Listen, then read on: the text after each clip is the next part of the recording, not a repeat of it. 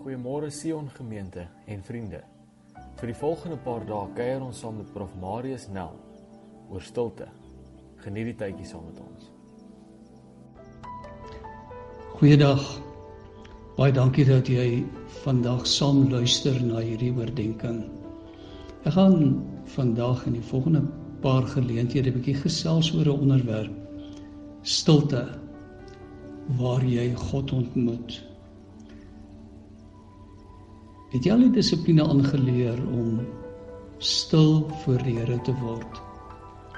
Stil genoeg sodat jy sy stem kan hoor. Stil genoeg dat jy bewus word hy is elke oomblik by jou. Om stil te word is nie 'n manier om in die wêreld te ontvlug nie.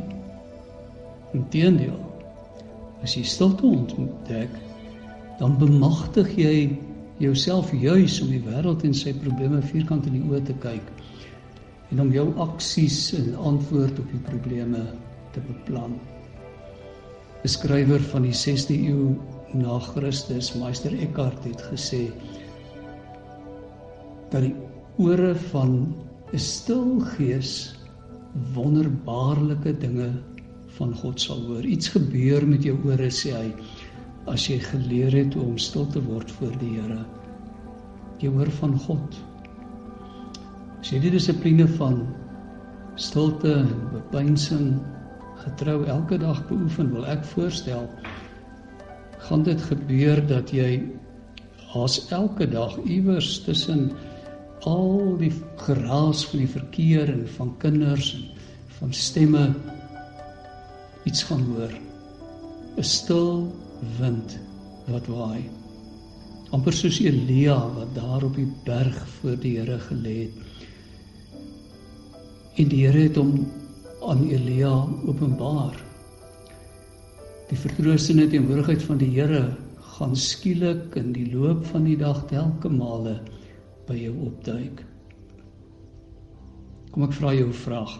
Hoe lank kan jy alleen met jou gedagtes deurbring en en maar net sit en dink sonder dat jy iets anders doen of of na iets moet luister. Om stil te word is maar ware jouself te herontdek jou geestelike batterye te laai. Genesis 24 vers 63 verwys na Isak Abraham se seun en Isak het in die aand uitgegaan om te pyns in die veld.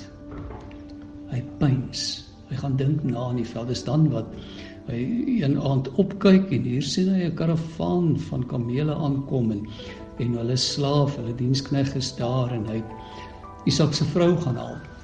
Isak pyns in die veld. Wat dink jy beteken dit? Dink jy nie dit kan nut hê om elke aand te gaan sit en pyns nie? Waaroor sal 'n mens pyns? Oor jou lewe, oor wat vandag gebeur het oor waar wat vandag gebeur het inpas in jou lewe. Hoe doen 'n mens dit? Daardie dissipline om om te gaan sit en en doelgerig na te dink oor jou lewe. Dink ons genoeg na ons lewe, ons impak, ons doelstellings. Dink ons genoeg na oor die mate wat ons daarin slaag om dit te bereik. Ons het nodig om tyd te maak om stil te raak. Dis baie maklik om menself lekker besig te hou met allerlei moeds. Maak stil raak een van jou prioriteite. Nes oefen, kos maak en elke ander daaglikse aktiwiteit. Vra die Heilige Gees om met jou te kom gesels. Terwyl jy stil sit en dink oor sy genade en seën oor jou lewe, ten spyte van al die uitdagings. Onthou sy goedheid.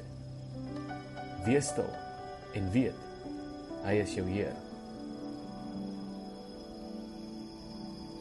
Heilige Gees, help my om stil te raak. Hou my gedagtes vas en maak my sielsmens stil. Stil sodat ek U stem kan hoor.